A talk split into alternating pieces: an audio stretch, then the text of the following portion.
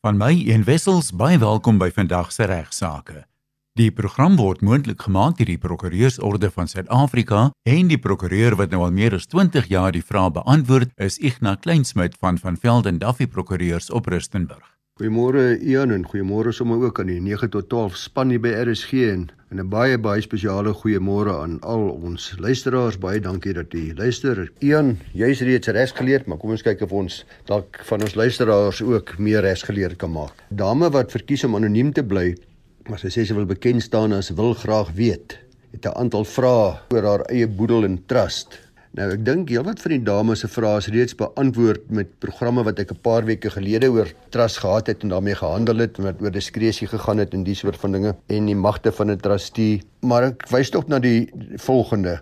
So 'n bietjie agtergrond oor haar saak. Die dame se eggenoot is gedurende April 2018 oorlede en haar testament maak daarvoor voorsiening dat uh, die luisteraar 'n kontantbedrag as ook 'n motor sou erf alle kontantgelde, alle beleggings in die boedel is aan 'n trust bemaak, 'n testamentêre trust en hierdie trust is ten behoewe van die luisteraar geskep en dan ook uh, van haar kinders in sekere omstandighede. Die testament bepaal verder dat die trustee alle kontantgelde goedgekeurde bank uh, instansies moet belê en verdere handelinge met betrekking tot die beleggings en die bates kan verrig soos wat die meeste trust aktes maar bepaal. Het uh, die trustee 'n diskresie. Maar hy bepaal ook verder dat alle handelinge van die trustee slegs met die toestemming van die begunstigde, in hierdie geval die luisteraar, sal geskied. Sy is ook geregtig op al die inkomste uit die trust verkry en dis nou belangrike woorde hierdie, kaal aan, vir haar persoonlike gebruik.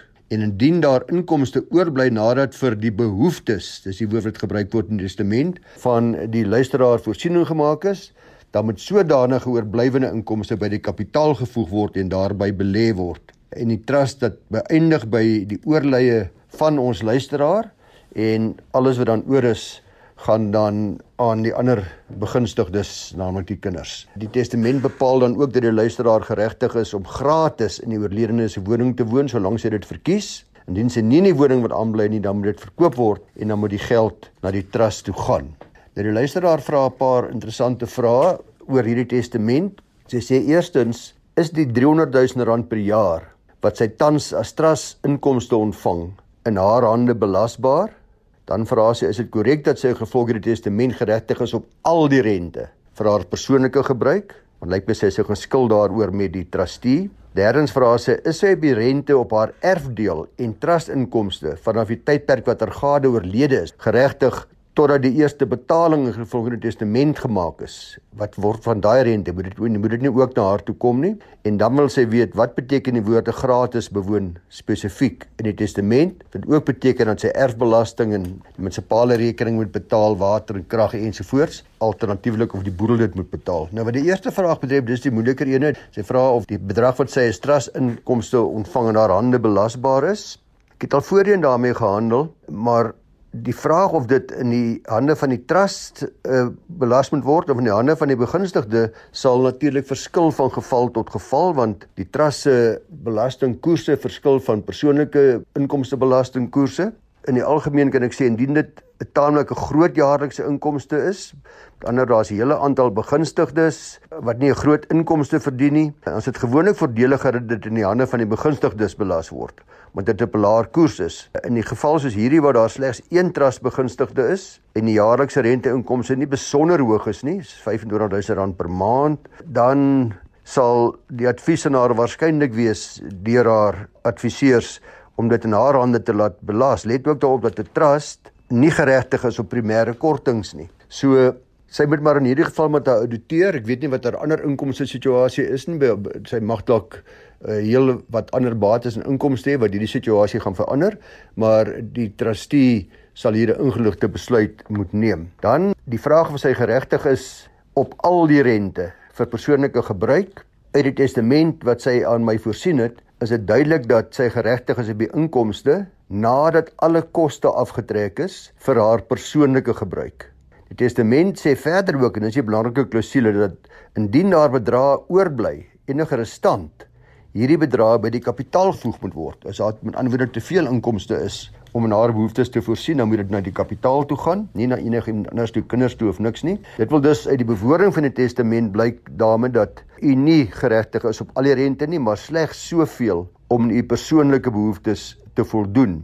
Ek moet toegee dat die bepalinge van sekere paragrawe, paragrawe C en D van hierdie testament waar daar verwys word na persoonlike gebruik en na behoeftes, vatbaar is vir ander interpretasies, want persoonlike gebruik en behoeftes is nie gedefinieer nie. Maar as ek die bepalinge van die testament reg interpreteer, dan moet u in die trustee ooreenkom oor uh, alle handelinge wat namens die trust verrig word, insluitende spesifiek die bedrag wat aan u uitbetaal word In hierdie verband behoort u dus met u trustee op 'n vriendskaplike en vertroulike basis die aangeleenthede te hanteer, maar uiteindelik kan ek vir u sê dat u sal geregtig wees in alle omstandighede dat daar voldoen moet word as daar genoeg inkomste is aan die redelike behoeftes wat u het vir u persoonlike gebruik.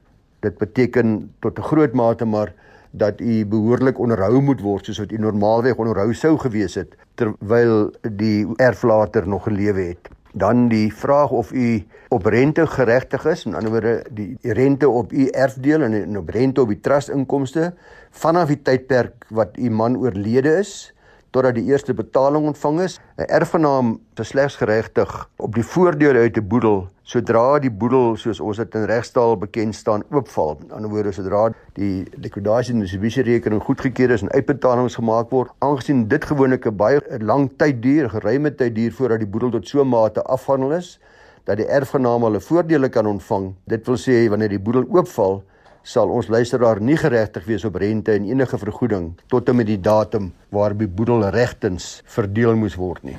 Nou 'n ander belangrike vraag wat sy vra is wat beteken die woorde gratis bewoon? Sy mag die huis van die boedel gratis bewoon. Nou sê dit dan nie wil bewoon nie, dan word dit verkoop en word die opbrengs in die trust gestort. Nou daar's 'n saak in 1953 beslissing wat vir ons baie help. Dit is die saak van Brett versus Barclays Bank, toe dit nog Barclays Bank genoem was, in 1953 beslissing van die Natalse provinsiale afdeling van die Hooggeregshof. En daar het regter president Broom van daardie tyd en regter Holmes die bepalinge van 'n testament uitgelê waarin die volgende woorde voorgekom het: I give and bequeath to my daughter during her life the free use and enjoyment of my residence known as einde van aanhaling So die hof het in hierdie saak bevind waar gestel die gratis gebruik en genot van my woning het bevind dat in daardie omstandighede die enigste redelike uitleg van die woorde daarop neerkom dat die boedel self alle belastings moet betaal, alle heffings insluitende herstelkoste, versekeringspremies ten opsigte van daardie eiendom en dat dit inderdaad neerkom op gratis bewoning met geen uitgawes vir die sak van die bewoner nie. Nou die bewoording van die testament in hierdie bredsaak stem tot 'n groot mate ooreen met die bewoording wat in ons luisteraar se eggenoot se testament gebruik word. Dit is dus 'n mening in die bepaling in so 'n testament op so 'n wyse uitgelê moet word dat die trust, die trustee, die belastings, die heffings, die uitgawes, die herstelkoste, versekerings, alles van huis moet betaal terwyl ons luisteraar daarin moonagtig is. Weerens ek het nou oppervlakkig na die vrae gekyk en geantwoord, maar ek dink daar's ook 'n paar tegniese aspekte wat sy aangeraak het en uh as ek sy was, sou ek probeer om met die trustee dit behoorlik uit te klaar en indien dit nie moontlik is nie, want dit lyk of 'n bietjie spanning is, dan stel stel ek voor dat sy wel 'n prokureur gaan spreek om haar hulp saam te wees. Sjoe, en ek weet nie van jou nie van die luisteraars nie, maar ek raak nogal moeg om so lank na een persoon te luister soos in 'n pas 10 minute lank die vorige bydrae hanteer het. So ek 'n klein storieetjie net vertel wat ek nogal amusant gevind het in die boekie Die Hof verdaag van Kees van Duykors, net om ons almal se gemoedere so 'n bietjie te lig. Weekmore vertel daar van 'n dispuut oor die eiendomsreg van 'n hond. Ek het nou onlangs weer daai dispuut gehanteer oor die kat ook tussen die twee dames. Maar hierdie getuienis voor die regter was so teenstrydig dat die arme regter geheel en al in die war was. Hy het nie geweet na watter kant toe nie kon nie weet wie om te glo nie. En na diepe oorweging het hy toe die griffier beveel om hierdie hond te kry. Die hond was daar beskikbaar by die hof en die hond dan vashou en dan die eiser moes op een plek staan en die verweerder op 'n ander plek staan en in verskillende hoeke van die hofsaal met die opdrag wanneer ek die bevel gee want elkeen van julle nou die hond roep. Nou kom kom kom kom wagter of kom wat ek nogal die hond se naam mag gewees het om te sien wie is nou die eienaar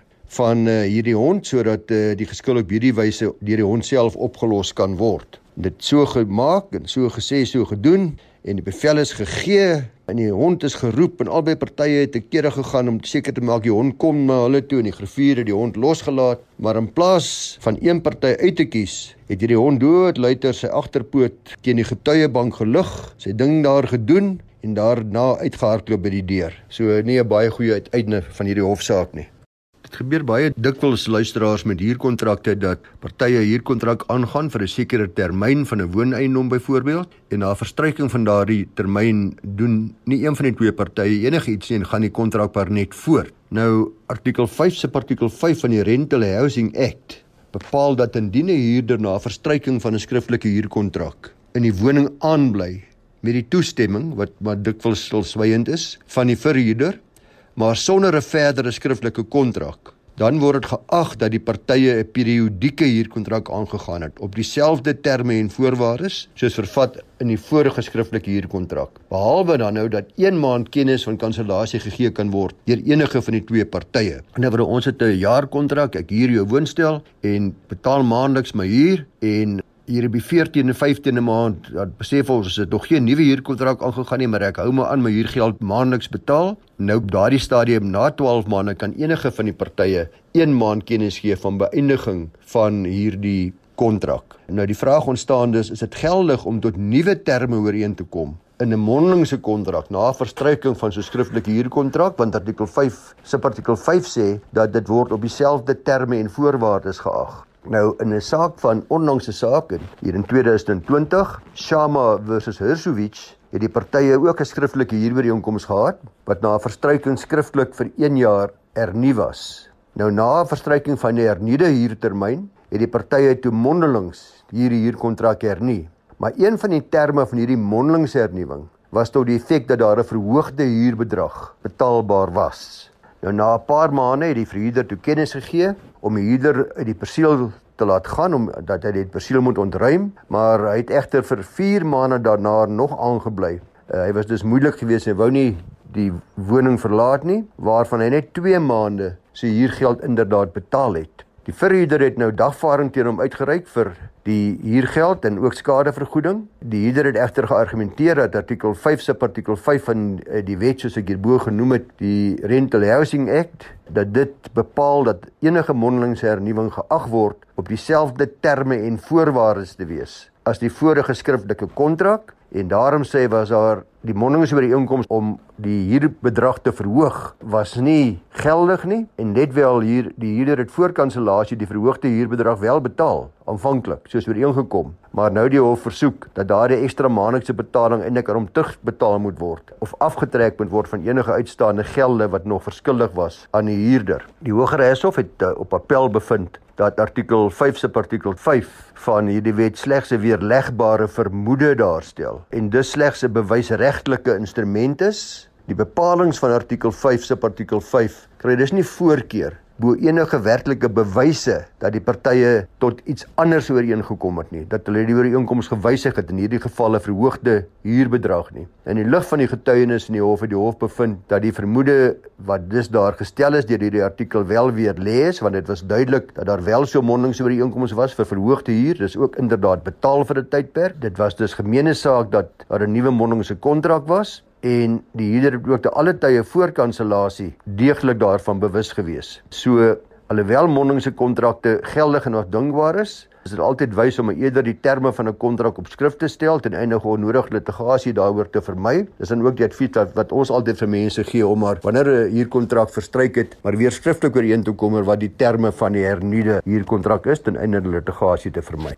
Voordat ek nou voortgaan, wil ek daarom net baie dankie sê aan almal wat vir ons vrae stuur. Maar uh, daar's ook baie mense wat vra stuur met die idee dat ek net dit persoonlik moet beantwoord. Hulle gee telefoonnommers, bel my asseblief of e-posadresse of dis 'n baie dringende aangeleentheid, die balje klop al aan die deur, die saak kom volgende week voor, asseblief kontak my dringend. As jy nou mooi daaroor dink, ons is op nasionale radio, so ons het honderde duisende luisteraars wat na regsaake luister en dit is net nie prakties moontlik om persoonlik betrokke te raak by almal se hofsaake nie. Hy sal nie naaste by by sy regte werk uitkom nie. So ek vra asseblief dat jy begrip sal hê daarvoor. Igna kan nie direk reageer nie. Hy kan jou nie skakel nie en sy goeie raad is altyd om 'n prokureur naby jou te kontak. Dit help ook in 'n praktiese sin dat as jy dokumentasie het wat jy moet saamneem, dan kan jy dit saamneem. Telefoniese konsultasies is in elk geval riskant. Dis altyd baie beter om na die dokumente te kan kyk, vra te vra, mekaar in die oë te kan kyk en 'n gevoel te kry vir gaan jy die saak verder voer, is dit die moeite werd, is dit die koste werd, al daai tipe van dinge. So die doel van die prokureursorde met die program is om die breë publiek te bemagtig Die idee is om jou bewus te maak van slaggate waaraan ander mense getrap het, dat jy nie ook daaraan trap nie, die spreekwoordelike rooi vlag wat soms moet opgaan. Moenie hierby betrokke raak nie of dink twee keer voordat jy op daai stippellyn teken, daai klas van ding. So ons wil baie graag jou vra hê, maar uh, jy sal ook agterkom dat Ignas dikwels 'n bietjie breër gesels oor 'n vraag om uh, juis meer luisteraars toegang te gee tot die onderwerp en so 'n klein bietjie meer agtergrond te gee. Jy kan jou vrae direk vir Ignas stuur. Sy e-posadres is igna@ffd.co.za. Aan die einde van die program gee ek meer detail oor die Testamente Week wat hierdie jaar tussen 26 en 30 Oktober plaasvind. Maar kom ons hoor eers waaroor Ignas nog gesels in deel 2 van vandag se regsaake. Op 'n ligter trant luisteraars nog so ietsie uit die mooi boekie van Oudregter Kees van Duykors die Hof verdaag waar hy vertel van Wolfer Dowling, 'n regter wat 'n uh, purist was wat Engels betref, maar uh, baie swak was in Afrikaans. En daarbenewens was hierdie regter Wolfer Dowling ook nog doof en daar was in sy hof 'n versterkerskas vir hom ingebou en 'n mikrofoon vir die advokate geïnstalleer om seker te maak dat regter Dowling behoorlik kon hoor. En dan moes sy advokaat homself baie mooi posisioneer voor hierdie mikrofoon en as hy dit nie gedoen het nie, dan het regter Dowling hom baie kwaai aangespreek. Dan sê hy met dit gesê: "Nee, die advokaat, praat in die eyster, praat in die eyster." Nou die agbare regter het uh, na volgens bewering oorlewering ook nogal gehou van sy jenever, sy gin tot die mate dat die inhoud van die waterkraffie op die bank verre weg nie as aqua pura of suiwer water kon kwalifiseer nie. So vertel Kees van Duikhorst. Ons as regsgeleerdes sal weet in die advokate by die verskillende howe dat daar elke nou en dan uh, kinderstories is oor een of meer regters wat dalk ook iets sterkers in hulle waterkraffies het. Maar nog 'n mooi storie is dat voor die aanvang van hofverrigtinge word regters by hulle kamers gehaal deur die bode.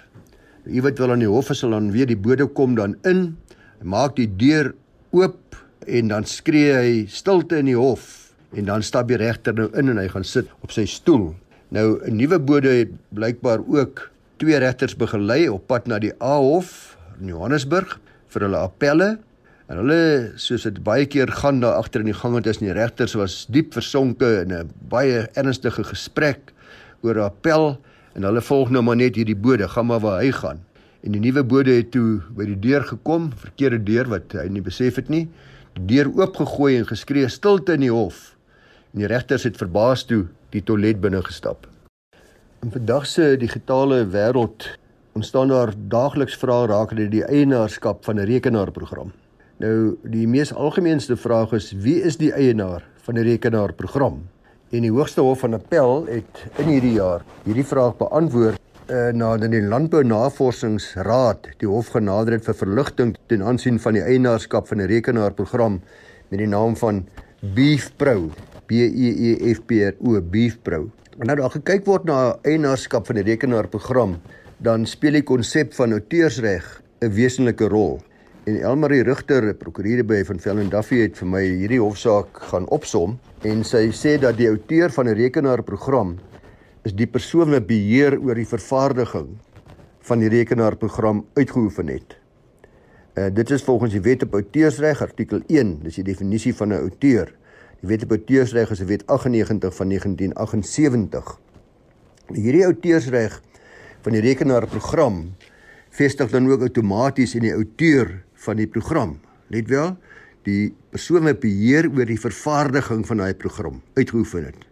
Hy het die outeursreg. Nee, dit stel dus duidelik dat die outeur beheer moes uitoefen oor die vervaardiging en die ontwikkeling van so 'n program. Maar die vraag is natuurlik nou, hoe stel ons vas wie nou beheer oor hierdie program uitgeoefen het. Uh die persoon wat die program skryf, vervaardig en ontwikkel is dan gewoonlik die persoon wat beheer uitoefen. Maar is ook belangrik om daarop te let dat die Hoogste Hof van Appel onlangs die konsep van beheer uitgebrei het. Die konsep van beheer maak nou ook spesifiek voorsiening vir persone wat 'n gesagsposisie of 'n besturende posisie oor die programmeerder uitoefen. In ander woorde 'n werkgewersposisie ook kan mens sê en wat spesifiek die programmering bestuur en gelei het. Hierdie persone sal dus nou ook geag word beheer uit te oefen oor die vervaardiging en sal dus oor outeursregte in aansien van so 'n program beskik. So om op te som wanneer 'n programmeerder 'n program skryf en ontwikkel in terme van 'n kontrak en onder die beheer instruksies en leiding byvoorbeeld van 'n besturende liggaam of 'n werkgewer, dan sal die outeursreg in daardie besturende liggaam vestig en nie in die programmeerder nie.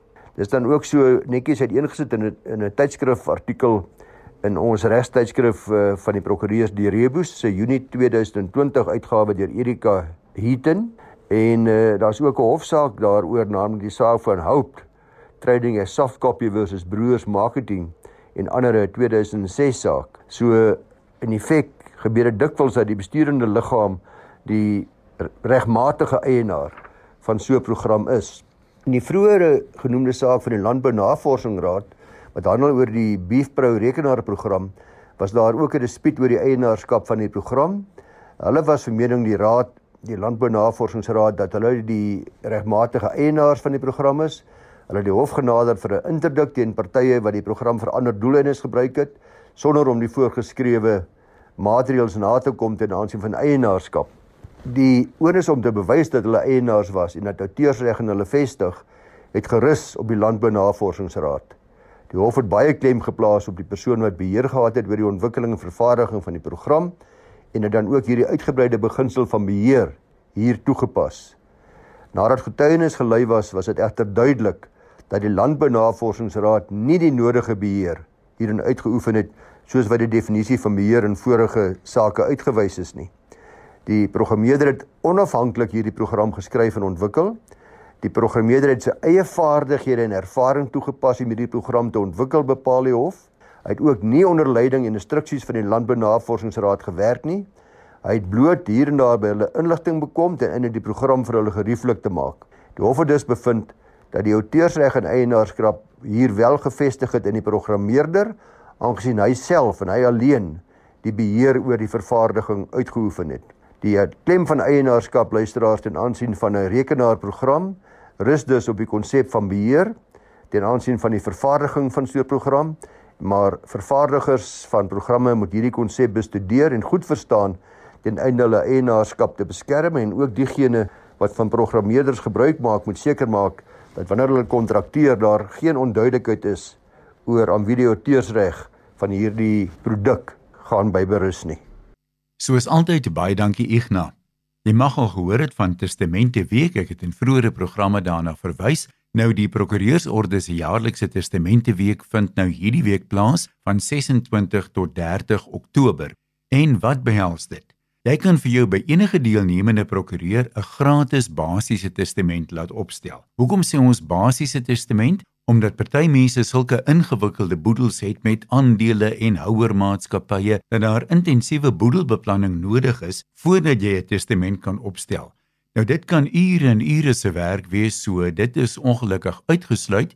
Maar ons praat nou hier van 90% van die mense se gewone testamente. Jy mag reeds 'n testament hê, jou Nuwe Testament vervang uiteraard jou vorige testament Neem hom gerus saam na die prokureur toe dat hy daarna kan kyk. As jy reeds 'n trust het, neem die trustakte saam sodat hy kan sien wat is wat wat dit betref of hy dit deel van die boedel kan maak of jy die reg het om dit te laat vererf of nie.